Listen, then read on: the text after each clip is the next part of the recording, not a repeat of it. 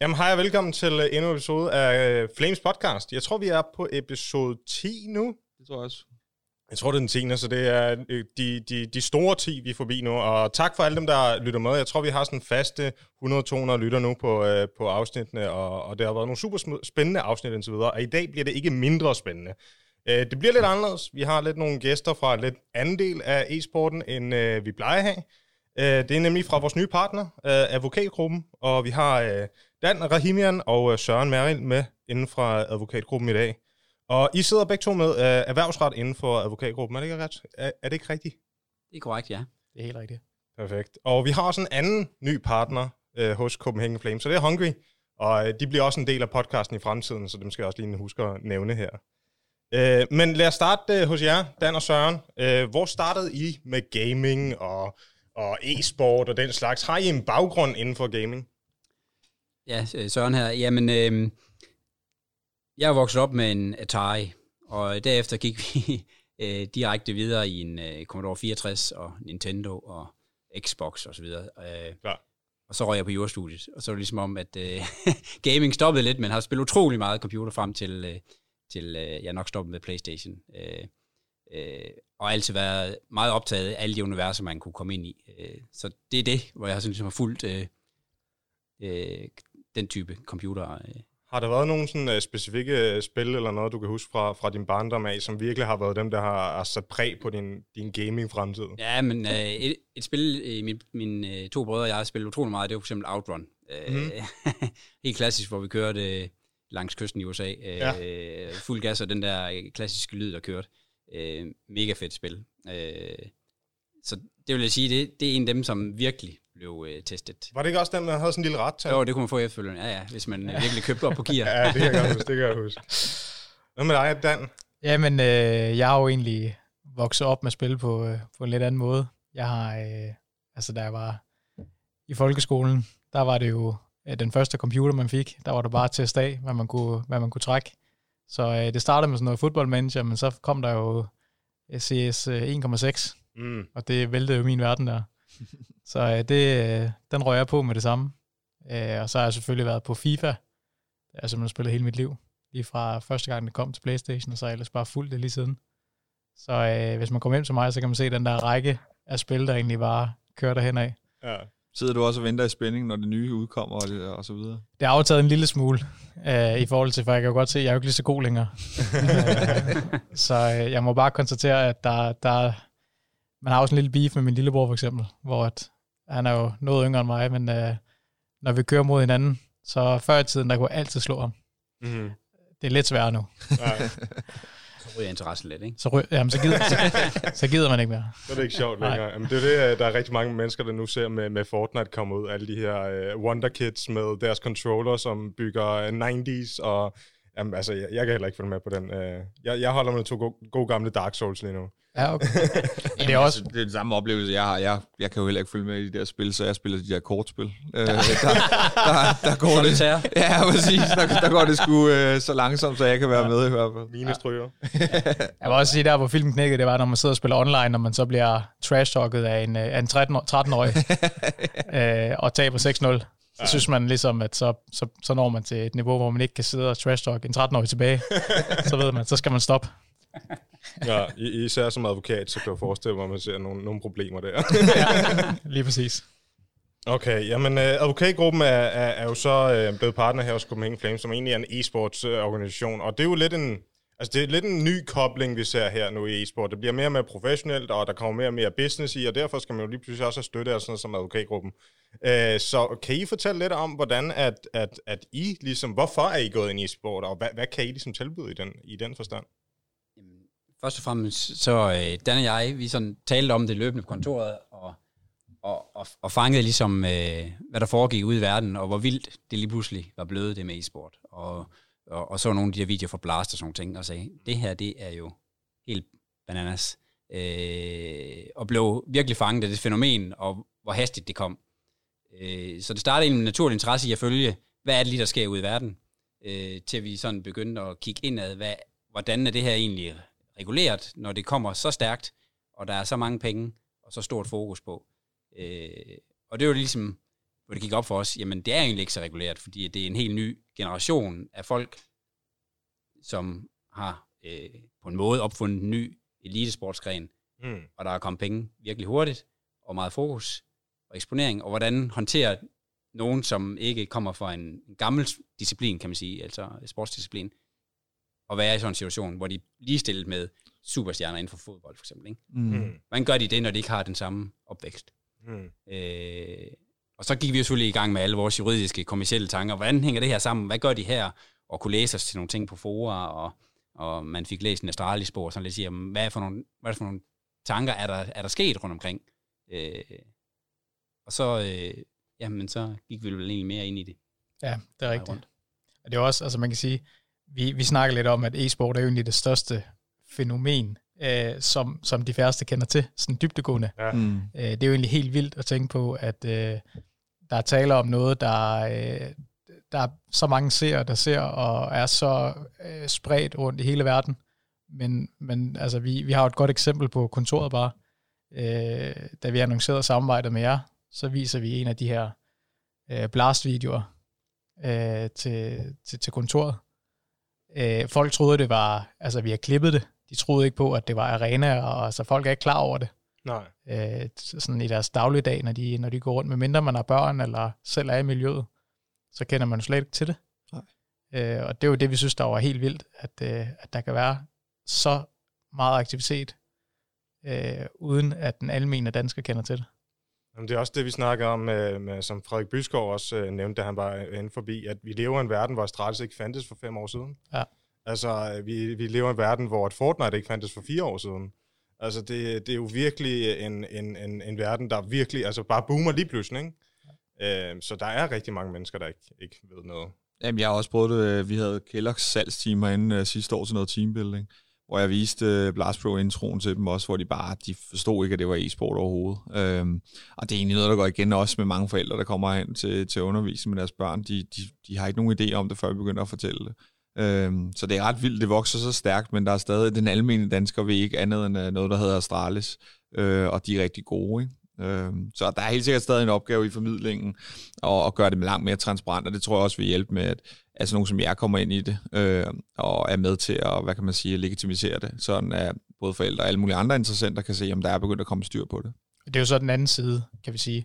Det var, at, at, at Søren og jeg, vi kunne godt se, at, at der var brug for et løft, sådan rent professionelt set. Øh, når man begynder at få det lidt under huden og læse øh, på diverse forer, altså når, når folk spørger ind på, på Reddit, hvordan ens kontrakt skal være, så Mm. ved man, der er noget galt. Øh, det er ikke der, man skal sige, øh, skrive binde sig på hænder og fødder. Nej. Øh, så, så der kunne vi jo godt se, der var altså øh, ja, godt, godt gammeldansk øh, lokumsaftaler, der, der blev indgået, hvis der overhovedet blev indgået nogle, nogle aftaler. Øh, så der er et stort behov, og Mhm. øh, det synes vi jo bare er mega fedt, at vi kan være med til at, at præge i hvert fald. Det er, jo, det er jo den anden side. Ja, ja, og det er jo det, der vil skabe tryghed omkring hele branchen, både for investorer, holdejere, holdledere, spillere. Det er, jamen, men er det her en, en tryg ramme? Er der ro på? Øh, Mm. Kan jeg bare koncentrere mig om mit spil, og kan vi koncentrere os om at udvikle spillerne? Mm. Fordi der er styr på baglandet, ikke? Ordentligt penalhus, som man siger. Og, og vel især også for forældre, øh, for den sags skyld, ikke? fordi rigtig mange øh, e-sportsudøvere er jo rigtig unge, og er stadig under deres forældre osv., og, som, som Steffen også siger, når de kommer herind og til undervisning og til bootcamps osv., og, og de ikke ved noget om, øh, så, så, så går de jo for, for eksempel til os, og så er vi sådan, vi er ikke advokater. Altså, det, det, det, det er ikke noget med os at gøre, så det, det er vel også der, at det er vigtigt, at der, der kommer også øh, styr på, på at, at, altså at ro på Ja. ja. hos øh, forældre der. Helt sikkert. Ja, altså jeg vil også sige i forhold til, at mange forældres udfordring vil jo også være det her med, at man ikke ved, hvor god ens barn er til et, et givet spil. Fordi der er ikke, det er ikke de samme mekanismer, som der er i traditionel sport, så, så der ligger også rigtig meget der. Øh, og det er jo også noget, vi forsøger at hjælpe med. Det kan vi trods alt hjælpe lidt bedre med til end, end det juridiske aspekt. Ja. Øh, men, men det er klart, det er vigtigt, og det er jo også noget, som vi altid har fokus på. Jeg tror også, det er meget at gøre med, at e-sport er blevet så populært så hurtigt blandt en meget ung målgruppe. Og det har gjort, at... Øh, Altså fordi tit, så, så er vi sådan lidt, jamen hvorfor underskriver spillere på sådan en kontrakt? Det er jo helt godnat.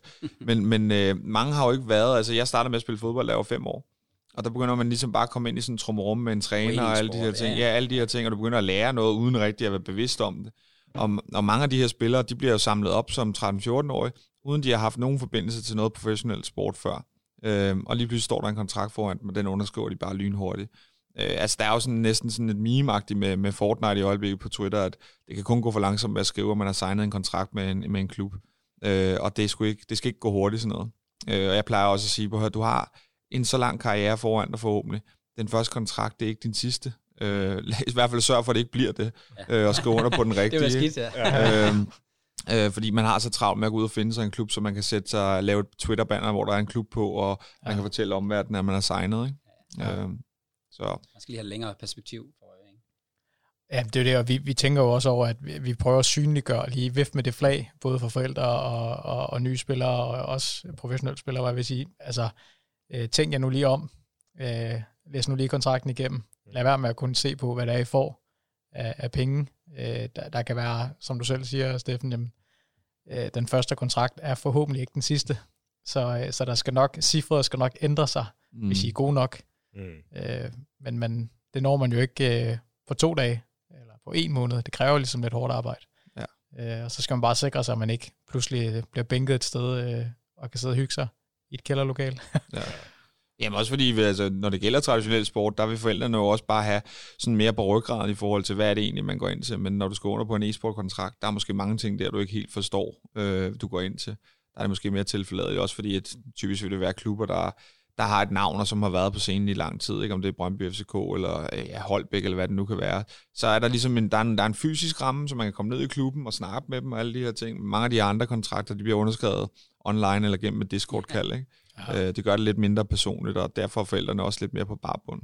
Ja, helt klart. Og det er jo, at, altså man kan sige, det er, det er virkelig et område, der er behov for, at der bliver strammet op. Ja. Øh, for, for det er jo hele ryddet af e-sport, kan man sige. Øh, hvis det er, at øh, naboens dreng, han er blevet bundet på hænder og fødder og mister penge, øh, og man så selv står med en dreng, øh, som, som står for at skulle skrive under, så siger man, kan du ikke se, hvad der er sket med din nabo? Du skal ikke skrive under. Hvis man først får det ry, øh, så er der altså op ad bakke. Ja. Så det er jo, ja, det snakker vi i hvert fald om på vej over, så jeg. Øh, du kom med et godt eksempel, øh, hvad var det, du nævnte med nogle historier? Nej, hvor, hvor mange var det, du sagde, der var? Var det 10 gode historier, der skulle til? Eller? Ja, ja. Altså typisk siger man, hvis der er en, øh, en dårlig historie, jamen, så kræver det 10 gode historier for at veje den op. Ikke? Altså, ah, så er man ja. neutraliseret, og så kan man så håbe på, at den næste ikke er en dårlig igen, så man skal finde 10 yderligere gode. Ah. Så det er jo om at få en god storytelling fra start af. Ja. ja. Det er også sjovt, altså, bare lige en afsluttende ja. kommentar til det. Det er stadig, når jeg taler med partner nu, så er der mange, der spørger mig, øh, jamen, er de på kontrakt, her spiller? Øh, og vi er jo ret øh, etableret efterhånden, ikke? så man siger, ja, selvfølgelig er det det, men, men øh, det er også det indtryk, som mange stadig har, at mm, er der overhovedet kontrakt på de her e-sportspillere? Vi har hørt så meget om det ene og det andet. Ikke? Øh, jeg kan da også huske, at øh, netop for at tale om det med kontrakt, jeg husker en spiller, vi har haft inden, hvor vi måtte næsten befri ham fra en kontrakt i, i Storbritannien, hvor han, han underskrev en kontrakt for at spille på det her hold. En stor chance over UK. Og han tager så på ferie, det er planlagt, han skal på ferie i to uger. Og i den periode, der, øh, der henter de så en reserve ind, men så finder de ud af, at ham vil de hellere spille med. Da han så kommer tur for sin ferie, for han bare ved, at du er nødt til at sidde på bænken nu. Okay. Øhm, og hvis han har været opmærksom på at få skrevet noget ind i kontrakten om, at selvfølgelig skal jeg spille, fordi jeg tager til UK og sidde øh, i et hus der og glo, det er ikke det fedeste for min karriere, vel? Nej. Men han har jo bare set det som en kæmpe mulighed, og lige pludselig var han fanget på en etårs kontrakt, hvor han var på bænken. Ja. Øhm, vi fik det så løst heldigvis, men, men det er tit sådan noget, man vil ende ud i, hvis man ikke er opmærksom på de her ting. Ja. Det er det. Ja, man hører de her skrækhistorier, og I siger folk, der øh, søger hjælp på Reddit, og, og forældre, der ikke ved, og, og hvad, hvad der foregår osv. Hvad, hvad for nogle øh, sådan juridiske udfordringer ser I ellers ved, ved, ved e-sport generelt? Altså, øh, vi har jo været inde på, på, på mange af tingene, at, at, at man, man netop øh, prøver at søge råd ved øh, en onkel, der engang har været til en forelæsning i 69, øh, som, som godt kunne læse den igennem øh, og, og der må man bare sige, øh, en ting er at læse en kontrakt igennem, en anden ting er at, at, at have kendskab til e-sport. Øh, man kan sige, at den helt store forskel er jo for eksempel, at der ikke er noget transfervindue for eksempel. Øh, det, det tænker man måske ikke over, øh, hvis man bare lige kigger på kontrakten, øh, i forhold til om, kan man smutte, kan man ikke smutte. Mm-hmm. Øh, der kan være de her buyouts, der kan være, øh, der ikke kan være markedsmæssigt korrekte øh, hvis der overhovedet er en buyout, øh, vel at mærke. Øh, og så er vi jo bare et sted, hvor det er ret ureguleret lige nu, øh, e-sporten, øh, som vi alle har været inde på. Der er ikke en, der er ikke en øh, en brancheforening, hvad jeg vil sige, øh, noget UEFA, ligesom der er i fodbold, øh, DBU, øh, der kan sætte nogle, nogle rammer, som man altid kan falde tilbage på, øh, standardkontrakter osv. Mm. Øh, det er sådan lidt øh, junglelov et eller andet sted. I Vesten. Ja. ja øh, og det gør jo, at det gør jo simpelthen bare, at, at det kan være lidt sådan svært øh, som, som mand at operere øh, og vide, hvad man egentlig skriver under på. Men sådan rent udfordringsmæssigt, øh, så synes jeg i hvert fald også, en af de ting, der sådan er, øh, det er jo for eksempel sådan noget som, om folk får ferie. Mm. Øh, jeg tror ikke, at man som, som 16-årig tænker, at jeg skal huske at have min fem ugers ferie. Nej. det, det, det tænker man ikke lige over. Man tænker, jeg skal måske til udlandet og spille, det er jo helt fantastisk. Øh, men når man så mor og far siger, jamen, skal vi ikke tage til Gran Canaria, så kan de sige, at jeg har sgu da ikke noget ferie. Mm. Øh, hvordan, hvordan gør jeg det? Det er de slet ikke tænkt over. Øh, det kunne være en af, en af tingene. Der er jo selvfølgelig også den helt klassiske med nickname. Når man er, jeg kan da selv huske, da jeg var, jeg kan ikke lige huske mit navn, og jeg tror heller ikke, at jeg skal komme igennem med det nu. ikke gode stats. Nej, de stats, de er ikke gode. Men, øh, men i hvert fald, hvis man har et upassende navn, nickname, øh, det er jo ligesom det, man bliver kendt på. Mm. Øh, man skal lige tænke over, hvad man, hvad man hedder. Hedder man noget upassende, øh, så kan der være, der er nogle sponsorer, der distancerer sig fra en. Det kan være, der er nogle klubber, der tænker, ah, det gider man ikke. Omvendt, tager man et anerkendt brand, øh, og hedder det, mm. jamen så står du pludselig i det problem, at kommer du ind og bliver god, så er du kendt på det brand, men så lige pludselig så får du altså et påbud om, at du ikke må bruge det. Mm. Øh, så skal du til at rebrande dig selv, og det kan altså godt være en udfordring. Så der er mange ting, man ligesom skal tænke over fra start af. Øh. Jeg tror også, altså noget som jeg, altså også da vi startede og sådan noget, altså jeg tror noget, der også det er svært, det er det der med, at, at øh, typisk vil der ske det, at man får en god idé, og så laver man en e-sportklub, øh, og så skal man til at lave nogle kontrakter, og man kan give dem særlig meget løn eller noget i løn. Og hvad kan man egentlig stille krav om, når man ikke kan give dem noget løn? Øh, så der bliver skrevet nogle kontrakter, hvor man tænker, at det er nok dækkende, men man ender tit i nogle situationer, hvor man sådan, ah, okay, men han får 1000 i løn, øh, kan jeg egentlig stille krav om, at han laver alt det her arbejde og alle de her ting. Det kan jeg jo reelt ikke. Øhm, og så ender man i tit i sådan nogle disputter, hvor at, øh, at en spiller ikke føler, at han skal gøre alle de her ting, men man sidder som ejer og siger, jamen, hvad vil du ellers gøre? Altså, du skal jo starte et sted. Du har ikke bevist noget, så jeg er nødt til at, at give dig en lav løn, for at økonomien kan løbe rundt. Og så må du acceptere, at det, det er sådan vilkårene er, men der vil tit opstå noget, noget, noget, nogle problemer der, fordi at, at spilleren føler sig ikke lige så bundet, når det gælder så lille beløb. Øh, og så, så, så står man i en situation, hvor man også som ejer, øh, hvis man skal ud i et eller andet retsligt med en spiller eller et eller andet, det vil koste endnu flere penge, og det vil være rigtig ubehageligt, og man har ikke lyst til, at det ender på sociale medier, så man er sådan lidt bundet på hænder og fødder i forhold til, hvordan man skal håndtere det. Øh, så det er også fordi, tingene er gået så hurtigt. Vi har ikke haft foreningslivet længe nok. Det er ikke blevet op, det der amatørniveau, det er ikke blevet opbygget over tid. Øh, så, så folk går lidt ind i det med, ja, sådan blindt ind i det, og så håber på, at det løser sig, og man kan stole på hinanden. Ikke?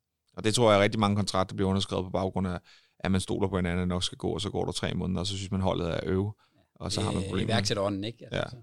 Alle høje på det, indtil det bliver dagligdag. Ja. Det er jo det, man ser. Ja. Så, øh, så det, er, det er også en svær opgave for, for, for, for holdejere øh, at, at få løst de her opgaver, fordi at, at det er klart, at øh, især med de her somi-tider, der vil alle bare, hvad alle tjener. Så øh, ja. lige så snart du nærmer dig noget, der lugter af noget, ja. så skal du have mange penge. Ikke? Mm. Øh, og så kigger man på en kontrakt, der måske ikke er fyldskørende. Eller de tror i hvert fald, de ved, hvad alle tjener. Men ja. alle skruer det lige lidt op, ikke? Jo, jo. Det er jo federe at tjene 100.000 end 80.000, ikke? Ja. Øh, så så det, det, jeg, jeg kunne forestille mig, at der er også mange øh, usandheder der. Ja, det er der. Det, det ved jeg. Søren, øh, har du nogle øh, punkter den her med, med udfordringer i e-sport, sådan juridisk set og som ja, men, set så, på som advokat? Ja, men hvis, hvis jeg nu tog øh, mere holdkasketten på, eller holdejerkasketten, Øh, sponsorkasketten, så vil man jo interessere sig meget for, mm, er holdejeren så den, der styrer holdet? Altså, sådan at de kan samle folkene, de rigtige spillere på, har de alle rettighederne til navn og logo og øh, sponsorkontrakter osv., at dem, der styrer, hvilke øh, de synes strategiske sponsorater eller samarbejder, de skal lave, eller kan spillerne frit vælge, at nu hiver vi dem og dem ind.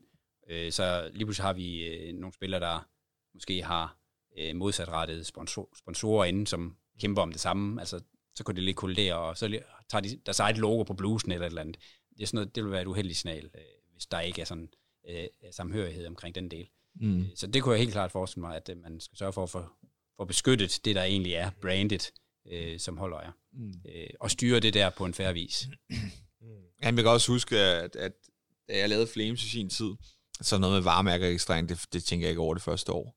Øh, og så begyndte jeg at tænke over, okay, det kan godt være, at jeg skal kigge på, at der er ikke nogen andre, der skal bruge mit logo og vores brand og sådan nogle ting. Og så øh, på det tidspunkt havde vi jo ikke særlig mange penge. Og så skal man ud og snakke med nogen om få gjort det. det jeg tror ikke, det kostede 13.000, og hvis jeg skulle have det i EU, så var det 17.000 eller et eller andet. Jeg tænkte bare, okay, hvordan får jeg råd til det? Men det er jo også sindssygt vigtigt, ikke? Ja. Så jeg tror også, mange af tingene er, fordi at hvis vi kigger på det lag, der hedder Astralis North og de her ting, så er der masser af penge.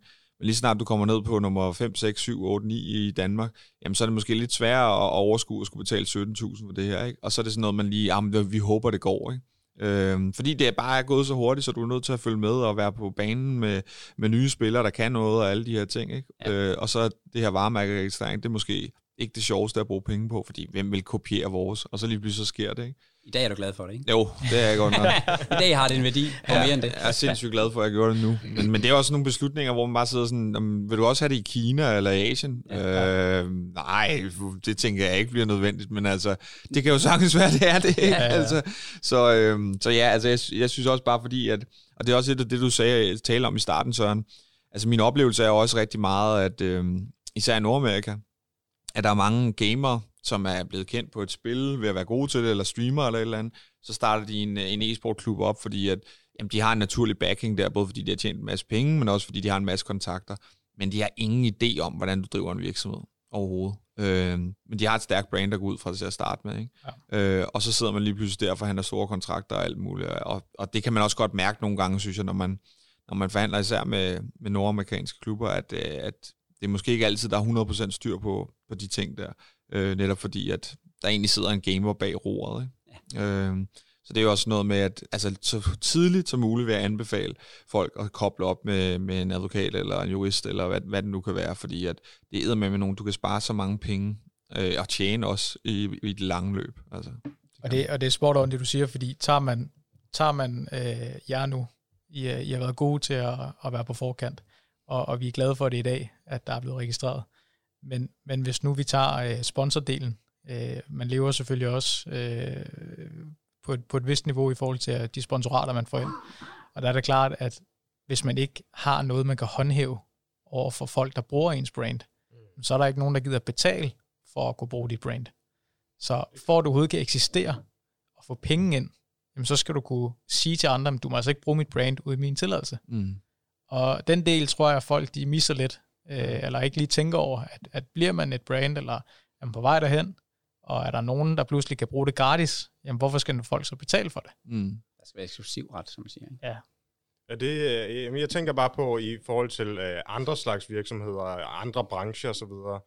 Øh, fordi at, jeg tænker ikke, det, det er den eneste branche, hvor man ikke lige har råd til at betale 13-17.000 for, for, for varemærkeregistrering. Øh, men er det måske bare fordi, at e-sport er så øh, somi præget at, at der er så, og det er så sponsor, sponsorat-præget, altså øh, tungt, at det er derfor, det er så vigtigt i e-sport, og derfor man så tidligt bliver nødt til at kigge på det der? Jeg vil sige, for alle virksomheder er det yderst relevant at få, mm. få beskyttet sine, det vi kalder immaterielle rettigheder, som, mm. som logo og navn og, og så videre, øh, koncept. Øhm, men det er jo klart, at i e-sport og i hele sportsverdenen, ligesom i hele kunstverdenen, eller kunstnerverdenen, eller artistverdenen, jamen der er enormt fokus på det. Det er noget, folk går rigtig meget op i, mm. og følger det af, af interesse og ikke af nød, jamen så har det så stort et fokus, at det hurtigt får værdi, netop, og så hvis man er god til SoMe ligesom jeg, jamen så får det endnu højere værdi. Og så er der mange følgere, og så vil man gerne sættes i forbindelse med det som en etableret virksomhed, og ligesom sige, jamen, øh, når du tænker øh, Copenhagen Flames, så tænker du også Hungry, eller mm. advokatgruppen, eller eller andet, ikke? Mm. altså, selvfølgelig ligger der i det. Mm-hmm. Øh, og jo mere eksponeret din virksomhed er, jo større fokus skal du have på at beskytte det. Nok det også, som Dan sagde, altså. Øh, man skal jo kunne håndtere, at hvem, hvilke sponsorater har vi, så vi kan få de rigtige priser til markedsprisen osv., og, og det gør jo, at hele holdet bliver løftet, sådan set. Så man kigger hold og ikke individualister. Mm. Ja, jeg synes også i forhold til hele partnersnakken, fordi det netop er, som du siger, Mihav, det er jo enormt partnertungt. Langt de fleste klubber er drevet af, at, at de har de her sponsor-partnerindtægter. Øhm, så giver det bare også noget, øh, altså jeg kan mærke, der er mere ryggrad i det, når jeg står for nogen og fortæller, at der er syr på de og de, de ting og sådan noget, fordi at øh, mange vil jo have startet op, nok ikke i fremtiden, mange vil have startet op med et IVS, som jeg har gjort, øhm, og der er alligevel nogen, der tænker sådan, ah, er det nu det fedeste at gå ind i, ikke? Øh, nu skal vi snart over i APS på et tidspunkt, men, øh, men øh, så, så derfor bare det at have nogen, noget, den form for styrke i ryggen, så nogen som jer, eller, eller en, anden, en anden klub gjorde det samme, øh, det betyder også rigtig meget i forhold til at have noget sikkerhed, når man laver de her partnerskaber, så, så for mig, der er det også blevet noget, jeg er blevet langt mere opmærksom på over de senere år, at man skal have styr på de der ting, fordi det udtryk, du har som klub, det fremstår langt mere professionelt, og det gør det alt andet lige nemmere at få nogle nye samarbejdspartnere. Så, så udover varemærkeregistrering, hvad, hvad er ellers nogle af de andre ting, som, som sådan semi-pro-hold, måske det, det mindre lag i Danmark, øh, burde se på, hvis øh, man ser det sådan fra et advokatsperspektiv? Altså, der er også noget med, sådan med turneringsarrangører og, og den slags, ikke? Og der kommer også noget med tv-rettigheder, kan jeg forestille mig. Altså, der er vel nogle store slag, der bliver slået øh, inden længe. Altså, det, det, det er klart. Man skal, man skal tænke sig om, både som turneringsarrangør, øh, godt og grundigt. Øh, Udover de immaterielle rettigheder, øh, så, skal man, så skal man huske, at de aftaler, man laver med sponsorer og med investorer, og, og, så de skal jo være øh, solide. Det skal ikke bare være en mail, hvor der står, ja, du betaler x antal kroner for at være synlig til vores turnering. Mm. Øh, vi kan jo egentlig øh, tage den med det samme, hvor jeg vil sige, øh, noget upcoming øh, i april, hvor vi har Copenhagen Games. Øh, vi har samtidig øh, en forfærdelig virus, øh, corona, der kører ud af. Øh, det, er, det er jo noget, der kan lamme folk, og det er jo det, vi ser, øh, der sker nu for turneringsarrangører. Øh, uanset om det er turneringsarrangør, eller øh, bare koncertarrangør, eller hvad man nu er, øh, jamen så, så, så er det noget, der kan lamme ens forretning fuldstændig. Mm. Øh, og jeg, jeg siger ikke, at en, at ved at snakke med en advokat, at man så har øh, sikret sig 100%, men en advokat vil kunne måske have hjulpet med at, at sikre øh, ens rettigheder i tilfælde af netop sådan noget, som, som det her sker. Mm-hmm. Det er jo en af de ting, vi altid er med. Altså, hvis der sker det utænkelige, Aha. hvorfor er det med? Hvorfor står der force majeure som en af de sidste punkter i en kontrakt? Det er fordi, det sker engang imellem. Ja. Altså, dermed ikke sagt coronavirus force majeure, det kommer an på nogle nationale omstændigheder, om der hvilke anbefalinger statsministeren nu ender med at, at give øh, omkring de forskellige ting. Men, men der kunne jo også være strejke, eller nu er hele Italien lukket ned, men hvad betyder det? Jamen, vi kan ikke komme ind i landet. Altså. Mm-hmm. Og hvis vi kan tage ind, så er det bare en risiko, vi kan ikke komme hjem, vi kan ikke få lægebehandling, vi kan komme i karantæne. Mm. Der er mange ting, der ligesom spiller ind der. Jamen, vi vil ikke kunne have forudset, at der kommer coronavirus, for det er der ingen, der har kunnet, men, men vi kunne måske have en bestemmelse med, i en eller anden samarbejdsaftale, både i forhold til øh, det øh, venue, man nu har booket ind på, og øh, hele baglandet og alle sponsorerne siger, men det er ikke noget, vi styrer, øh, men det ansvarlige rigtigt gør er øh, A. Så det gør vi. Og det betyder ikke, at vi går konkurs i morgen. Altså, det er jo sådan, man helst skulle være. Prøve at, at fange de her ting så godt man nu kan i kontrakter, ikke også? Og det er også, det er også altså vi tager Games som, øh, som eksempel her. Altså nu så jeg også, at Said havde skrevet et åbent brev til statsministeren om, hvilken situation han er sat i. Og man kan sige, i alle de kontrakter, der er blevet skrevet mange kontrakter, kan jeg forestille mig med games, både for partnere og folk, der er en del af eventet, og øh, folk, der har lagt penge i det, og leje af, af stedet og alle de her ting. Øh, og der, det skulle have været i alle kontrakterne, at hvis det utænkeligt sker, så er der en eller anden garanti for, at han kan få sine penge igen, eller hvad det nu er. Og med den udmelding, der er lavet fra statsministeren af, så står han jo et sted nu, hvor han bare ikke ved, hvad han skal gøre. Øh, fordi at øh, hvis han så vælger at sige, nu kører vi igennem, jamen så om øh, to måneder, eller en måned, når øh, virusen af smitten er endnu større, jamen øh, så kan det være, at han bare nød, det er nødvendigt for ham bare at lukke det ned, fordi så er der kommet et nyt påbud. Ja. Øh, og der, der er han jo en meget speciel situation. Ikke? Altså, vi står her, er det en, er det en måned til? Ja. Man skulle ikke tro, at, at det bliver, øh, bliver mindre smitte for han, vel? Øh, og han, er, han ved ikke, hvad han skal stille op med det. Øh, hvad, hvad vil I råde ham til i, i den situation? Jamen altså, øh, som sagt, øh, så vil man helt klart have gået ind i den her force majeure bestemmelse, og så vil man have skrevet, at epidemier for eksempel var, var en del af force majeure.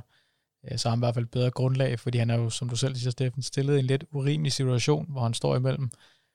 Om, jeg ved ikke, om det tager livet af Copenhagen Flames, men det er i hvert fald et ordentligt øh, økonomisk hook øh, kontra at udsætte, altså i princippet, worst case, kan han jo have nogle liv på samvittigheden.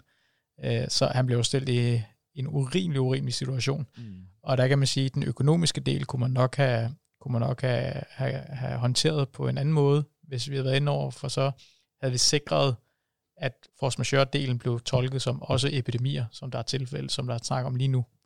Øh, og det vil højst sandsynligt kunne have kan omfatte. Men det er jo meget konkrete vurderinger, og, mm. og svært at gå ind i konkrete aftaler, men det er sådan noget af det, vi i hvert fald vil have, have taget med øh, i det her tilfælde. Og det kunne måske have gjort, at han i hvert fald ikke lider tabet alene, men måske dele det ud over flere aktører, og så, øh, så er det jo mere spiseligt. Ja. Er det noget i, er det standard for jer i forhold til events og den slags, at man har force majeure i forhold til, at der kan ske sådan nogle ting? Ja, altså det vil være helt klart noget, man altid tænker ind, men alle har jo prøvet et eller andet koncert eller noget andet, der er blevet aflyst af en eller anden årsag. Mm-hmm. Hvad betyder det? Kan man få penge tilbage for billetter og så videre, så videre. Så det vil være en standard ting, man vil tage med, når man skal kigge kontrakter igennem vedrørende øh, større events. Ja. Øh, så er det selvfølgelig, hvis man repræsenterer den, der afholder det hele, jamen så vil man gerne gøre den lidt bredere, og så kan det være nogle andre, øh, for eksempel stedet, man booker sig ind på, sådan ting, som forsøger at snævre den ind, men så er det jo en forhandling, som alle andre ting er. Ja. Nu ved jeg godt, det er konkret øh, øh, ja, beslutninger og, og, og vurderinger, men, men er, det, er problemet lidt, at, at, at det er ikke et påbud lige nu, at han skal lukke? Det, det er en anbefaling, ikke? At, at Copenhagen Games. Er det der, at, at udfordringen ligger for, for, for Sahid og Games øh, konkret? Ja, om det er lige en udfordring for ham, det, det har svært at svare på, men mm-hmm. generelt kan vi se, at i hele landet, for alle typer af events, så brokker øh, øh, eventsmagerne sig over, at det er sådan en anbefaling, der er kommet, og det er ikke et påbud om at lukke, eller at det er ikke et påbud om, at du kun må have 500 inden, eller 1000 mm. inden, men vi anbefaler. Mm. Øh, jeg ved for eksempel, der lige er to Brian Adams-koncerter, der er fuldstændig udsolgt, og det øh, blev det sådan meldt ud af medierne, hvad hjælper det? Øh, er det forsvarligt for os at få alle de her øh, hvad hedder det, gæster ind mm. til den her koncert? Mm-hmm. Eller ej? når, når det er bare en opfordring. Men heldigvis endte det med, at han selv på, på et tweet afblæste eller aflyste koncerten. Så var man ligesom home free, godt, så kan vi betale okay. penge tilbage. Ja. Og så øh, er der nogle bestemmelser, for det håndterer altid, hvis, hvis øh, han nu selv... Øh, så han ikke deltager? Ja. ja. ja okay. Så der var man sådan, ah, øh, ikke? Lækkert. ja. I den konkrete situation, men, men vi kan jo se, at altså, der blev aflyst øh, kæmpe events over det hele, både i øh, Tyskland og Frankrig og Danmark, øh, på baggrund af coronavirusen. Og, ja der er nogle økonomiske opgør, som skal gøres der. Det, det er svært lige at sådan om præcis, hvordan de falder ud. Og man kan sige, det specielle her ved, ved Games, umiddelbart i forhold til de der eksempler, du nævner, det er jo også det, at Games er jo eventet. Altså det er jo det, det folk kommer for at opleve, ikke? Ja. Altså hvor det ikke er en artist eller et eller andet, ikke? Så kan det godt være, at der er nogle hold, der ikke kommer på grund af en, den her fare. Det kan så snilt være. Men det er eventet, der er det vigtigste for alle dem, der kommer fra alle verdens hjørner. Ikke? Ja. Øh, I hvert fald deres Team Fortress-turnering, det er, jo, altså, det er jo mennesker fra hele verden, der kommer til den, fordi mm. det er deres faste sted at mødes. Ikke? Ja. Så er det også svært, ikke? Altså, hvem skal du sige ja og nej til? Skal du overhovedet sige ja eller nej til nogen? Altså, ja, ja, ja.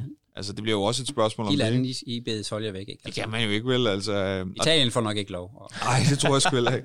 Ja, men det er også derfor, altså, ja, min personlige holdning til det, det er, at jeg, øh, nu skal det ikke blive politisk, men, men øh, jeg synes i hvert fald bare, at man, man må gå ud som regering eller som statsminister og så sige, det er sådan her, vi gør det nu. Det er den beslutning, ja. vi har taget. Jeg kan sagtens forstå, at det er sindssygt svært for dem, for man har heller ikke lyst til at lukke samfundet ned. Det kan jeg sagtens forstå. Det her kan have endnu større konsekvenser for Danmark.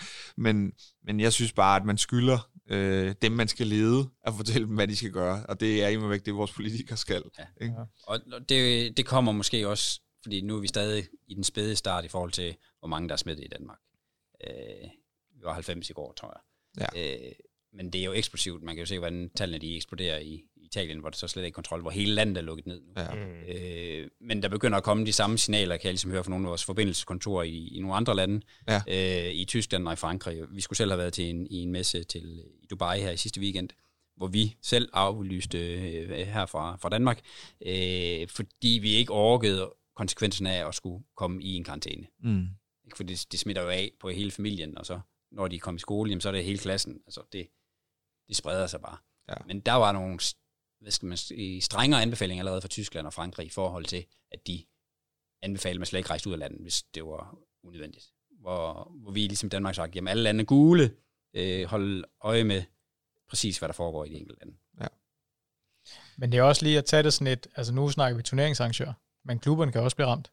Mm. Øh, det skal man også tænke over, når man laver kontrakter med spillere, fordi der, hvad sker der så, hvis der er en spiller, der bliver smittet med corona, resten af holdet kommer i karantæne? Hvordan træner man? Kan man tage til turneringer? Mm. Hvad med, hvis spillernes aflønning er afhængig af, af præmiepenge, og de øh, pludselig misser øh, tre store turneringer? Mm. Øh, der, der, der er mange ting, man skal tænke over. Øh, internt også. Ja, hvordan sponsoratet er skruet sammen. Er det, øh, at man skal lave appearance i så og så mange? Hvis ja. du ikke er appearance, ingen betaling. Ja. Øh, 10 appearance, 10 betalinger. Du får den betaling, hvis det er en minor, major, babam. Altså, der kan jo være alle mulige øh, setups der, som har stor indflydelse på økonomien også for et hold ja. øh, ved det. Men jeg tror faktisk, at epidemi det er noget, man sådan skal tænke over, fordi det, vi har ja. også haft nogle tidligere, det er jo ikke bare lige corona, det er ikke lige den eneste, altså så var der noget fugleinfluenza, så var der noget øh, andre ting, ikke også, som jo egentlig spredte sig og sig. Det er måske øh, en ting, der er kommet for at blive, øh, som man skal bare skal tage med. Standard. Ja, ja og det, er også, det virker også lidt, det er jo lidt sådan... Øh, et, øh, en, en årsag eller et sted, vi ikke har været før, fordi der kan, jeg kan også komme ud fra en situation, hvor en spiller siger til mig, jeg har sgu ikke lyst til at tage ud i et varehus med tusind mennesker. Mm.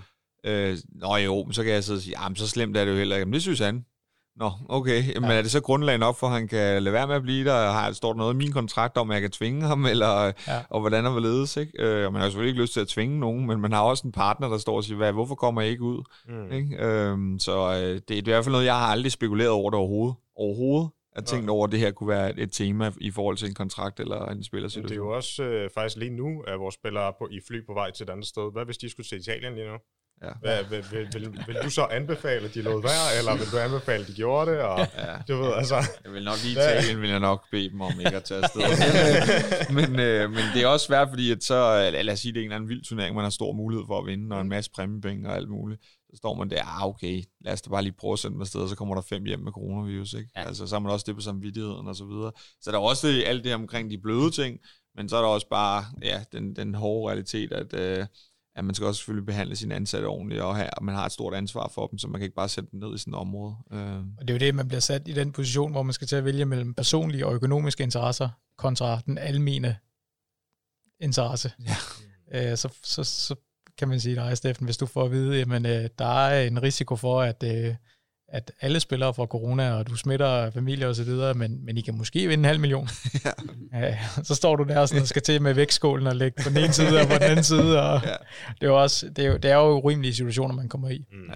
Ja. Øh. Altså udgangspunkt er det jo fair, at nok, at man følger de offentlige øh, vejledninger fra Sundhedsministeriet osv. Så, ja. altså, de ved jo trods alt mere om tingenes tilstand, end man selv kan. Ja. Øh, og så er det jo bare at være i dialog med mm. sin stab og så videre. Ikke? Ja. Sige, men... Jeg tror også, der er rig mulighed for at kontakte, ja, hvem der nu står for i forhold til sundhed og hvad hedder det, at tage ned de her ramte områder, og så kontakte myndighederne og sige, jamen, vi, vi står foran den her tur, hvad, har I nogle, nogle regler, har I nogle anbefalinger og så videre, så man kan sikkert komme rundt om det, men i forhold til kontrakter er næsten sikker på, at 90% af de kontrakter, der er derude, de tager ikke højde for nej, nej. øh, epidemi, i hvert fald i e-sport. Øh, ja. Ja. Jamen, øh, så lad os øh, komme videre fra, fra ja. Ikke mere sygdom. jeg har allerede hørt mange tweets omkring, at det er godt nok træt af at høre om corona hele tiden ja. overalt. Øh, men sådan overordnet set, som, som advokatgruppen og som, øh, som, som advokater og inden for det her erhvervsret øh, og så videre, hvad, hvad, hvad ser I, at I gerne vil bidrage med til, til e-sport? Jamen altså, øh, det vi jo synes er rigtig interessant, det er at komme med i alle større beslutninger. Øh, uagtet, det er ikke nødvendigvis en kontrakt, vi nu skal øh, sidde og forhandle på vegne af Copenhagen Flames eller nogle andre. Øh, men at man ligesom får den der løbende gode rådgivning, sådan en form for forlænget arm, et advisory board eller bestyrelsespost, mm-hmm. hvor, hvor man ligesom får løftet hele niveauet, og, og i organisationen bliver det okay, at jamen, i tre eller fire kan måske lige ringe til øh, Dan eller Søren, og så får I lige et hurtigt vejledning, hvad er det lige, vi gør her? Fordi vi har hele tiden snabel nede, eller skal man sige, øh, i alle mulige juridiske besvindeligheder, eller øh, ting, vi drøfter med vores kunder. Vi har meget, mange ejerledede kunder, og de går jo med nøjagtigt de samme tanker, som, øh, som øh, I for eksempel går, går med. Øh, det tror jeg, det vil højne og også hjælpe jer. Altså, øh, når man vækster sådan, som I gør, og iværksætter, og, så er der mange... Øh, kasketter, man skal på i løbet af sådan en dag, så er det ret en gang, men jeg trækker lige, får lige et, et, et andet klogt menneskes øh, råd i telefonen, godt, vi gør det her. Eller mm. så har jeg den overvejelse med, øh, eller lige hurtigt, en hurtig sparring. Ja. Det er vores drømmescenarie, det, det er det, vi godt kan lide, det krydsfelt. Øh, men så er der selvfølgelig den, den rene juridiske del, at man lige løfter bunden på det, så vi netop skaber ro omkring hele organisationen. Mm. Og folk ved, hvad det er. Hvad for en aftale? Jamen, den her beslutning betyder det, fordi at, sådan står det i alle vores aftaler. De er ens på den led, og vi afviger ikke fra det, fordi at, så skal vi igen ned og tænke i hver enkelt. Nå ja, var det, var det lige øh, aftale A eller C, han fik? Øh, og nu sidder jeg og tænker, hvad betyder det? Jamen, det er ikke så godt, fordi det, mm-hmm. det har dårlig indflydelse på alle dem, der har C-kontrakten. Altså, så er det rart, ligesom, for at kunne styre det, at man har en eller anden fællesnævner, som løftes. Mm-hmm. Det er de her basiskontrakter, du også snakkede om tidligere, ja. med at man ligesom har et, et bundniveau et eller andet sted, yes. øh, rent juridisk i e-sport også, som alle andre ja. steder. Ja. Og det er jo bare en ting, altså man kan sige, desto, desto færre forstyrrelser de her e-sportspillere har. Altså hvis de render rundt og tænker over, øh, kan jeg indgå en ny øh, sponsoraftale, øh, eller hvad, hvad siger min kontrakt, så kan det fylde lidt, og så kan det være, at det afsmitter i resultater. Mm. Øh, så er det klart, at så øh, desto, altså, så kan det være, at de ikke leverer de resultater, de vil have, der kommer ikke sponsorer, og det er jo sådan lidt et økosystem, der skal køre rundt. Så desto færre forstyrrelser spillerne har, og egentlig også I har, jamen øh, desto mere kan I fokusere på, på øh, den rusjebanetur, man er afsted på, ikke? Mm. og bare fuld fart på. Øh, så, så det er jo klart, det er også noget af det, vi bidrager til, at der kommer, som Søren allerede har sagt, der kommer lidt noget ro øh, omkring alle ting rundt omkring øh, det administrative ting. Øh, og så øh, er det jo helt rigtigt, at, at når vi nu også har øh, godt indblik i e-sporten, jamen så, så kan vi også godt være med på den forretningsmæssige del. Øh, det behøver ikke kun være ren og skær øh, juridiske øh, vurderinger.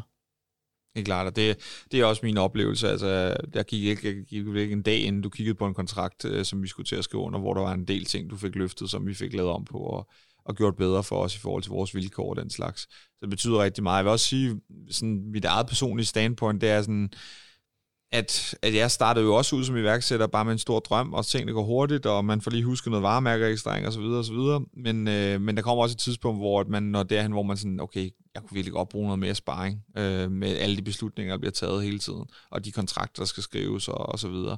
Også bare i den periode, vi er i lige nu med partnerskaber og salg og spillere og alt muligt. Altså, du føler ikke, du har tid til at sidde og kigge de der ting igennem. Og jeg tror, der er rigtig mange, der sidder samme sted som, som jeg. Måske ikke der, hvor vi er nu, men måske for et år siden, hvor man har et enormt ansvar for en masse mennesker, men du sidder også med ansvar for, at de ting, du underskriver på, de skal også være i orden.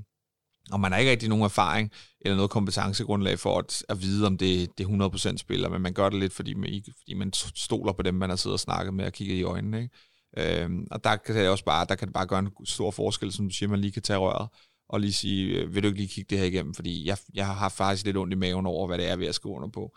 Øhm, det kan bare gøre en stor forskel, og for mig har det været en befrielse, at, at det er en mulighed øh, for, at vi, også i forhold til, at man, man får så hurtigt svar og den slags, at, at man oplever, at der er nogen, der sidder ved siden af en, når man underskriver de her kontrakter. Øh, det, det gør en stor forskel, så jeg vil kun anbefale alle holdejere derude, at, at finde ud af, jeg ved godt, det ikke er skide nemt, og man skal have en vis størrelse for at få en god aftale, men det kan være, at man kan finde nogen, som synes, at det at få et, et ben inden for e-sport, det øh, kan gøre en forskel. Så kan man få lavet en god aftale, hvor man ikke skal betale så meget, eller, eller hvad det nu kan være. Øh, skynd dig at få det gjort. Du, du får sparet en masse penge, og du får taget nogle flere beslutninger. Altså, vi, vi har, der er jo noget vis iværksætteri over det her, eller der er jo iværksætteri over det, øh, de fleste, ikke? Og vi har jo mange iværksættere, øh, og det er jo klart, at der er jo et vis hensyn fra vores side også, øh, når vi har en iværksætter kontra en etableret spiller. Øh, det kan være, at der er nogle andre øh, hensyn at tage, øh, og det kan vi jo selvfølgelig også tage hensyn til i en vis grad. Øh, så det er jo klart, at det er jo ikke sådan så, at øh, hvis man kommer, og man bare brænder nallerne, øh, vi er jo fuld forståelse, vi er jo også mennesker, mm. så vi er jo fuld forståelse for, hvilken situation man er i. Øh, så den der opfattelse af, at man kun ringer til en advokat, når alt er i bål og brand, ja. den vil vi gerne have vendt rundt til, at man faktisk ringer til dem på forkant og siger, kan vi ikke undgå bål og brand? Mm. Øh, og det er billigere. Det er meget billigere. Billigere at få slukket branden, end at lade huset brænde ned, og så øh, bygge det igen. Altså, ja. Sådan er det bare. Ja. Ja. Og det skal også nævnes, at det er jo ikke kun erhvervsmæssigt, vi snakker her. Det er jo også spillerne. Altså spillerne har også kontrakter, de skal skrive under på, som vi snakkede til, til at starte med, med, med forældre, der heller ikke ved det. Og nu siger du, øh, at man må have, måske ikke rigtig har tid til at kigge sådan noget igennem, men det er jo også ikke kun et spørgsmål om tid, det er jo også et spørgsmål om viden. Altså, øh, en advokatuddannelse er ikke en kort uddannelse. Øh, så så, så der, der er jo rigtig, rigtig meget hjælp at hente der, både for spillerforældre øh, og øh, erhvervssiden af, af e-sporten. Ja, ja, helt sikkert. Altså, der, der er utrolig mange ting, og jeg tror også, at når man hyrer spillere, der er jo, øh, er jo, de bliver jo yngre og yngre, øh, så er der jo nogle forældre indover selvfølgelig, så er det også ret for dem, at overfor dem sidder der ikke kun en, en holdejer, der sidder også en advokat, øh, som fra et velrenommeret firma, man kan, man kan stole på, ikke? Så når man ved, at tingene er i orden. Øh, det tror jeg helt sikkert også har en effekt. Ja, og hvis øh, børnene er mindreårige, jamen, så kan der også være nogle andre juridiske udfordringer. Kan de jo indgå en kontrakt, og, ja. altså, hvor man også kan de forældre med. Og det, det er jo det sigte, man som professionel e-sportshold, jamen, så skal man jo have den del med, og kunne rumme, at det er sådan, det er, og ikke snyde en 13-årig til at. Fordi at, øh, den holder alligevel ikke i retten. Mm-hmm. Det er jo sådan, der. Ja. Øhm, og, og hvis man laver de gode kontrakter, som man kan se, jamen, her har begge en fordel af, jamen, så er det det, der bliver de mest øh, lange kontrakter, og det er det, man typisk godt kan lide. Øh, fordi det, det skal give noget til begge parter, og det er en den måde, vi arbejder på. Så, jamen, det hjælper ikke noget, vi bare øh, skruer tvingen hele vejen rundt til vores fordel, fordi at, jamen, det kan godt være, at de får skrevet under, men så dagen efter, så er det et dårligt samarbejde. Fordi lige snart de skal begynde at kigge i nogle reguleringer her, jamen så vender den kun én vej, og så fokuserer man ikke på at præstere bedst muligt forholdet. Altså det er jo bare sådan der. Og det, er, det, det svære her, det er jo det der med, at jeg tror, det er en rigtig god måde, at I udtrykker det på i forhold til, vent nu, eller få det nu gjort, inden at det brænder, fordi at det, mange vil være en overvejelse, som jeg også sagde tidligere, med at skal jeg bruge de her penge nu, fordi at øh, jeg kunne egentlig rigtig godt tænke mig et bedre Counter-Strike-hold i stedet for. Men øh, det, det kan virkelig godt betale sig, øh, også i forhold til den ro i maven, man får om, omkring det. Og så får du også mere tid, fordi du har nogle andre til at kigge på det. Så øh, det, det, er en, det er sgu en god investering. Man kan, man kan også, hvis vi lige bliver i de metaforerne, øh, du, du går først til læge, når du kan mærke, at det går ondt i knæet eller mm. benet. Ikke? Øh, hvis nu man havde lavet det der årlige tjek, var jeg ved at sige, øh, så kunne det være, at man havde været på forkant, og så kunne man stadigvæk dyrke det sport, man gerne ville, eller gøre det, man har lyst til. Man behøver ikke at gå med skin eller få en operation. Det er lidt det samme her. Øh, få, få det nu tjekket. Og hvordan, hvordan forholder I egentlig til, hvis der kommer en spiller til jer nu efter den her podcast, og siger, jeg kunne egentlig godt tænke mig at få noget, få noget hjælp. Altså, det er jo svært for en spiller på 15, 16, 17, 18 år at have penge til at, at kunne hjælpe. Hvad, hvad, hvad, tænker I der? Altså, hvad, hvad, hvad gør en typisk eliteudøver, som måske ikke har råd til, til det? Hvad gør I i de situationer? Altså, rent indledende tager vi jo en dialog. Og ja. indledende, der, øh, der, der har vi jo sådan helt, at der finder vi bare ud af, hvad, hvad, kan vi gøre noget, og kan vi ikke gøre noget. Det vil sige, det er ikke sådan så, at man ringer, at uh, taxameteret kører, var jeg ved at sige. Det er en stereotyp, som vi kæmper med i vores branche, ja. uh, at komme af med lige så vel, at e-sporten kæmper med at komme af med cola og chips. Mm. Uh, vi, uh, vi har en forståelse og prøver ligesom at klarlægge, uh, hvad vi kan bidrage med, om, der, om det overhovedet giver mening at sørge også indover. Mm. Og uh, der må vi så bare erkende, at ofte gør det det. Øh, og så fastsætter vi nogle rammer og spørger lidt ind til, om det giver mening for den pågældende, at vi går tingene igennem for dem. Øh, højst sandsynligt med samråd med forældrene, sådan så de er med. Øh, det giver jo en god synergi, som Søren også var inde på. Øh, hvis de forstår, hvad de skriver under på, og hvis de forstår, hvad de committer sig til, så, så er der ikke nogen overraskelser øh, to måneder efter, der gør, at der kommer gnidninger. Øh, så, så ved man ligesom, hvad man har sagt ja til, og så kan man øh, med god ro i maven fokusere på det, man vil. Så vi vil jo egentlig bare hjælpe med at forstå, øh, hvad man gør, og sikre, at man ikke bliver bundet på hænder og fødder mm. som spiller. Ja, ikke bliver tvunget ud i, i uh, 1000 events i løbet af en måned, når man samtidig skal passe sin skole. Altså, mm. Der er nogle ting, som det her, det, det holder jo ikke vel, fordi så betyder det i hvert fald det her for din skolegang. Ja. Øh. Jeg tror også, der er rigtig mange, der tænker præcis sådan der med, at lige snart man foretager første opkald, så så betaler man allerede for et eller andet der, ikke? Øh, og det er jo også noget af det, som vi har talt om indledende, Dan, det der med, at det, det er jo en vigtig ting også at have med, at det er ikke så farligt. Man kan godt få rådgivning og, og få klarlagt, om der er et behov for hjælp. Øh, og også få klarlagt, jamen, hvad, du har det her behov, øh, du har de ressourcer, jamen lad os se, hvad vi kan finde ud af. Øh, fordi for jer, som jeg også forstår det, det er også for jer en investering i e-sport, det her I gerne vil, også fordi I selv har en personlig interesse selvfølgelig, men ja. også fordi, at, at I kan se, at der er en mulighed for, at, at man kan gå ind og, og gøre en forskel øh, for, for alle de her, fordi at talentmassen i Danmark er massiv. Altså, øh, så der, der er kun flere på vej. Øh, også fordi vi nu har vi fået gang i foreningerne, så der bliver kun udviklet endnu flere spillere. Ikke? Øhm, så det kan jeg rigtig godt lide ved det her. Det er også den snap, vi har nu. Jeg tror med, der sidder mange unge derude og bare tænker, hvad, skal jeg stille op med de her kontrakter? Altså, de mm. har ikke nogen at gå til. De tror, det koster millioner at gå til en advokat. Ja. Deres forældre ved ingenting. Og det, og det, er, det er netop en udfordring. Og det er jo, det er jo fordi, som vi også har snakket om, at, at det har været lidt en, en, en anderledes udvikling i e-sport end så meget andet. Øh, så, så man bliver kastet lidt mere ud i det øh, end ellers. Øh, og når man pludselig står øh, med det, øh, så som vi allerede har gentaget et par gange, så er det altså ikke der, man skal spare. Øh, øh, der kunne det være godt givet ud og, og, og snakke med os, i stedet for at tage en tur i byen mm. og fejre kontrakten. Mm. Øh, så, øh, Men der er jo også en generationskløft, tror jeg, mellem de yngste, som måske kunne komme på kontrakt, hvis man kan sige det sådan, og deres forældre. Mm. mm. Der er altså sket et eller andet imellem. Forstår de, hvad e-sport er? Mm-hmm. Hvis forældrene nu er plus 50, måske, ja. som de måske øh, gennemsnitligt vil være. Eller gør de ikke. Altså, der tror jeg, der, der er et eller andet teknologisk, der er sket der, som man ikke har fulgt med i. Man er ikke inde i alle de forer, man ved ikke, hvad der foregår. Man ved ikke, man kan handle øh, øh, skændes og sådan ting. Altså, ja. der er det måske ret nok lige at få øh, måske øh, den eller mit besøg med i forhold til, hvad, hvad er det her for en størrelse. Ja. ja.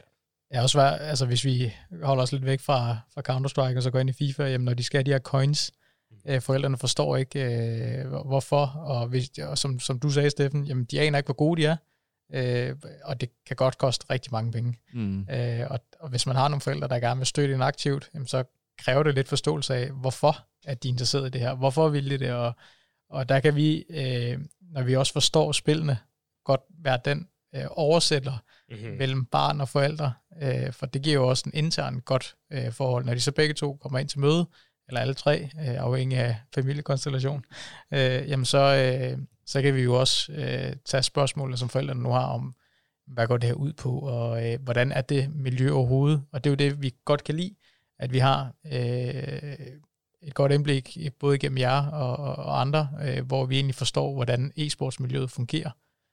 Øh, og måske kunne henvise til nogen, hvis de ønsker at, at udforske mere, eller dyrke det endnu mere, øh, hvad retning de skal gå. Så det er jo ikke udelukkende kontrakten også. Altså vi kigger på mange parametre, ja. øh, og det koster jo ikke mere af den slags, så jeg vil sige.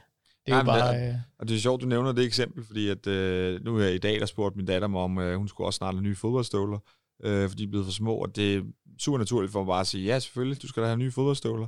Men øh, hvis FIFA-knægten, han kommer ind og siger, at jeg har altså virkelig brug for Messi på mit hold, hvis jeg skal nå de her 30 sejre i løbet af Weekend League, så sidder jeg, øh, ja okay, øh, øh, hvorfor det? Kan du ikke bare spille uden ham? Nej, det kan jeg faktisk ikke, vel? Og så, altså, der er jo bare en kløft der, ikke? Altså, jeg tror også, mine børn er der halvheldige over, at jeg ser så meget YouTube lort, skulle jeg til at sige. Fordi at, at jeg gerne vil følge med i, i, hvad der foregår, og nogle gange kommer Mia med nogle idéer til content, hvor, hvad er det populært lige nu, eller ja, et eller andet, ja. men jeg har heldigvis set en del af det, mine døtre de ser, så jeg ved godt, hvad der rører sig, ikke? men jeg ja. ved også, der er mange af mine venner, der er samme alder som mig, og børn på samme alder, at det, det, det, det er jo en fuldstændig mærkelig verden for dem. Øh, og der, der har man også brug for en oversætter, som, som I siger. Ja, det vil jeg også sige. Det, jeg har også jeg har tvillingepiger på 8, og det er altså noget vildt noget, der bliver set på YouTube. og jeg tænker, det der, det er form for... Øh, hvad er det, Teletubbies på et eller andet, som bare tror det er et helt andet forkert sted hen. Jamen altså, min datter, hun ser især den yngste, hun er 8 år, hun ser sådan noget 5 minute et eller andet, hvor at på fem minutter laver de ting om til noget, man kan bruge, så har de et eller andet øh, stof eller et eller andet, og det får de syet om, så man kan bruge det som en punkt eller et eller andet. Det kan hun ja. bruge en ja, ja. gang, hvor se, hvis jeg ikke stopper hende. Bare sådan, hvordan kan du synes, det er interessant? altså? Så øh, ja, indsigt, det hjælper i hvert fald. Jeg vil gerne lige have et link der. Det. der er en ny. Ja. Men øh, Mio, jeg tænker, skal vi øh, få rundet de her tips af? Det her, øh, de det, er jo lovet os. Ja, det var det, jeg lige ville uh, slutte af med her. Men i hvert fald, hvis du sidder derude med en kontrakt, eller et eller andet form for spørgsmål uh, angående noget juridisk, så tag dog endelig den telefon og ring, og hør nogle mennesker, der faktisk ved noget om det. Uh, som, som, som de også siger her, Dan og Søren, at det, det koster ikke fra, fra første minut af. Altså spørg til råds, og så find ud af, jamen, skal det koste noget eller ej? ja. Men i hvert fald, ja, uh, det sidste punkt på min liste her, det var jeres tre tips. Uh, de, de, eller de, ja, i hvert fald de tre, tre tips til, til e-sportsudøvere og andre e-sportsjobs, øh, når det kon, øh, gælder kontrakter og lignende.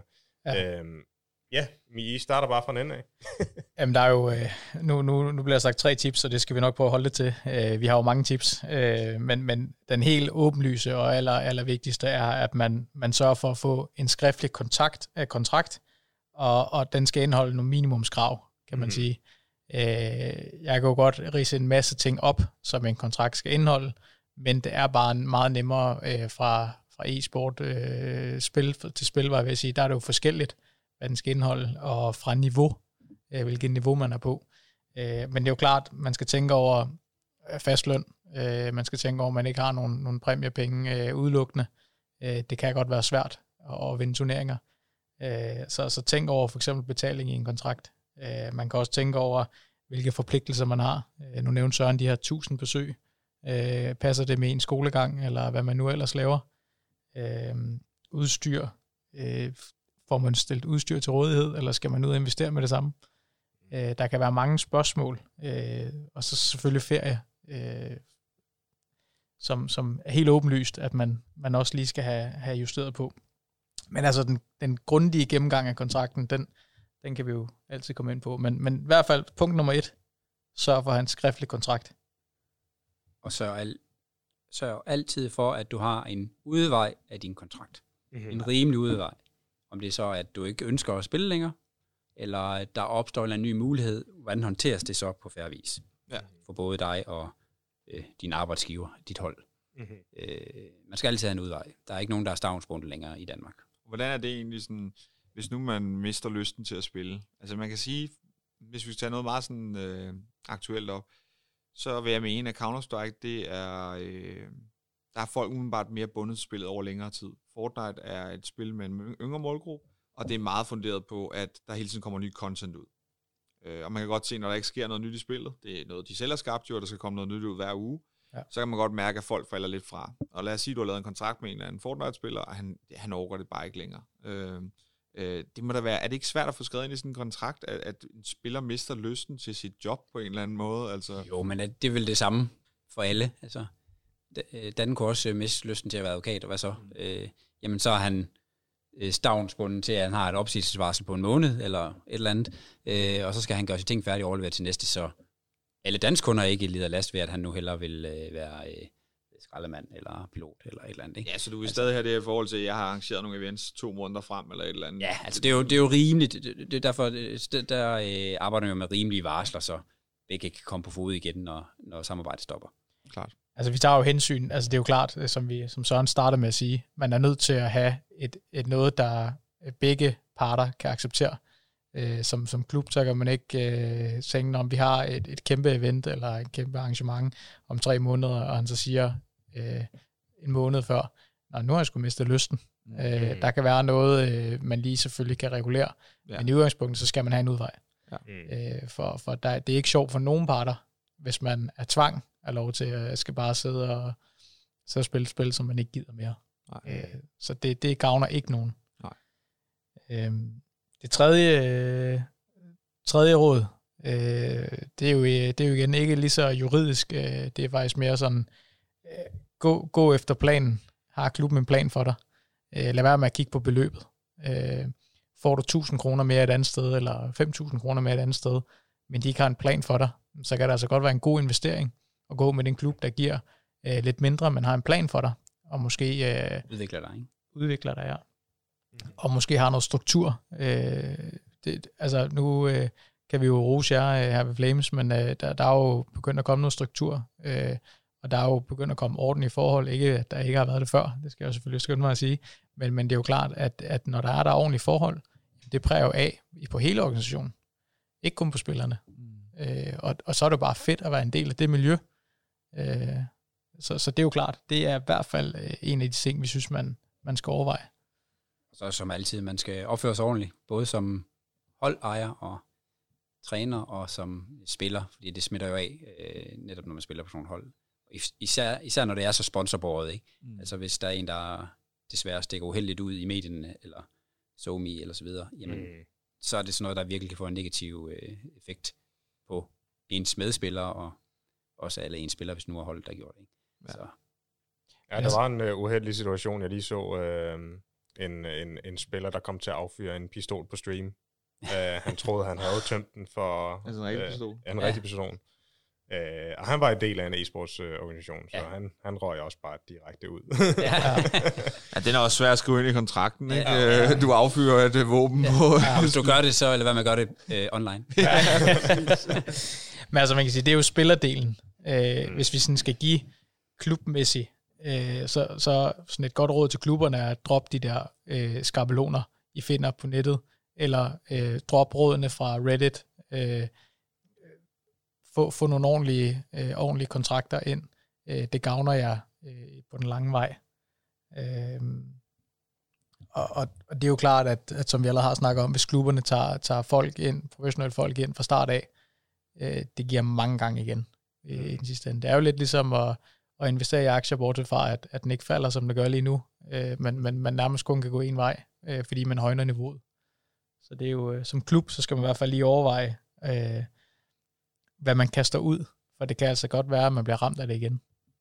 Og hvordan vil det være? Lad os bare lige tænke et eksempel. Jeg ringer ind som semipro eller amatør øh, holdejer og siger, at jeg står med de her udfordringer, jeg skal skrive nogle kontrakter med nogle spillere, jeg kan ikke give dem så meget i løn. Øh, hvad, hvad vil I råde mig til det? Altså, hvad vil jeg, hvad, nu, nu beder jeg ikke om det konkrete råd til det, men sådan, hvordan vil det være for ham i forhold til at få klarlagt, om I kan dække det behov, og hvordan det, hvad det vil koste dem. Altså, hvad, hvad vil den type, I skal ikke fortælle, hvad prisen er, men prøv at fortælle, hvordan er det, fordi jeg prøver også bare, jeg kan selv huske mig selv, da jeg sad et halvt år inden, og ved at skide grønne grise over alt det, jeg havde gang i. øhm, så altså, det, det er også for at hjælpe dem, der ligesom, altså, hvad, hvad, hvordan tager I hånd om sådan en, der ringer ind? Altså, hvad skal jeg stille op? Fordi jeg, jeg kan forestille mig, at han har ikke lyst til at få at vide, at det kommer til at koste om 30.000. Så hvordan foregår den der proces? Typisk så vil vi øh, øh sige, du må meget gerne lige sende mig det, du allerede har. Og hvis du ikke har noget, så lav lige sådan en bullet point med, hvad er dine ønsker til, hvordan det skal være, sådan som du øh, kan forklare det. Mm. Og så prøver vi ligesom at skabe overblik, hvor mange spillere er det, bam, bam, bam, hvorhen er du i din livscyklus med dit hold, mm. øh, og kan vi finde et eller andet samarbejde. Og så vil vi prøve at lukke af med at sige, at det koster kroner X. Mm. Som bør være rimeligt. Så, jamen, så ser vi måske som investering i et samarbejde også. Kunne det jo være, hvis det var sådan en iværksætter, vi aldrig har kendt ja. før. Øh, og sådan er det jo mange, med mange kunder, som kommer lidt i den spæde start, der hjælper dem lidt på vej, fordi vi jo så også tænker, jamen, så har vi også et langvarigt samarbejde, og det er jo det med, jamen, det er lidt en fordel for dig, og lidt fordel for os. Vi holder tingene rullende, vi har jo også nogle, noget personale, der skal betales osv., så et eller andet skal der betales, og vi har en risiko, og hvis der ikke er nogen fakturer for os, så er det heller ikke dækket af vores ansvarsforsikring. Altså, der er nogle sådan helt basale ting, der skal være i orden der. Ja. Men, men så er det typisk være sådan, og det er vi jo vant til at håndtere, øh, om det så er en øh, e-sportshold iværksætter, eller en hvilken som helst, hvilken som helst anden iværksætter. Øh, så er det egentlig måden, vi plejer at, at tage imod ja. dem på. Og, og så afdækker vi også lidt nogle ting. Øh, de kan have en idé om, hvad der er vigtigt, øh, og, og vi kan måske komme med nogle inputs. Øh, vi ser jo tit, øh, hvis man er i den spæde start, hvis man har en god spiller, eller øh, hele holdet pludselig præsterer, overpræsterer, lad os sige det, øh, har man tænkt over, at der lige kommer nogen og siger, haps, øh, der er jo ikke transfervinduer. Hvad, hvad gør man så? Mm. Øh, har man tænkt over de, de ting? Eller hvad så, hvis ens kontrakter, øh, alle kontrakter løber ud på samme tidspunkt, mm. og de bare øh, kollektivt siger, vi gider ikke forlænge. Hvad gør man så? Øh, der er mange ting, som man ligesom øh, øh, måske kunne få input til, øh, som vi kan, kan hjælpe med at komme i gang med, og lige tænke over og få, få i talsat over for spillerne, og, og, og måske også klæde dem lidt bedre på i, til alle de udfordringer, de bliver mødt af. For I har jo selv oplevet alle de udfordringer, I, I, I bliver mødt af. Det er jo ikke, øh, det er jo ikke kun dagligdags ting. Nej. Øh, så øh, det, det kan I alt andet skrive under på. Øh, så der kan vi måske klemme lidt bedre på, så de er, det kan jo være, at de, øh, de, de skal jo kun sige det rigtige ting til en mand, der gider investere, så pludselig kan det være noget helt andet, ikke? Mm. Så. Jamen, så tror jeg bare, øh, at vi lukker af her. Dan og Søren, tak fordi I var med i dag. Det tak, har været det var, super, super spændende. Ja, super hyggeligt. og Steffen, øh, vi ses jo nok næste gang. Det gør vi. Men husk, I kan lytte til den her podcast på Spotify, iTunes og Google Play, og den kommer også på YouTube. Og så ses vi bare en anden gang.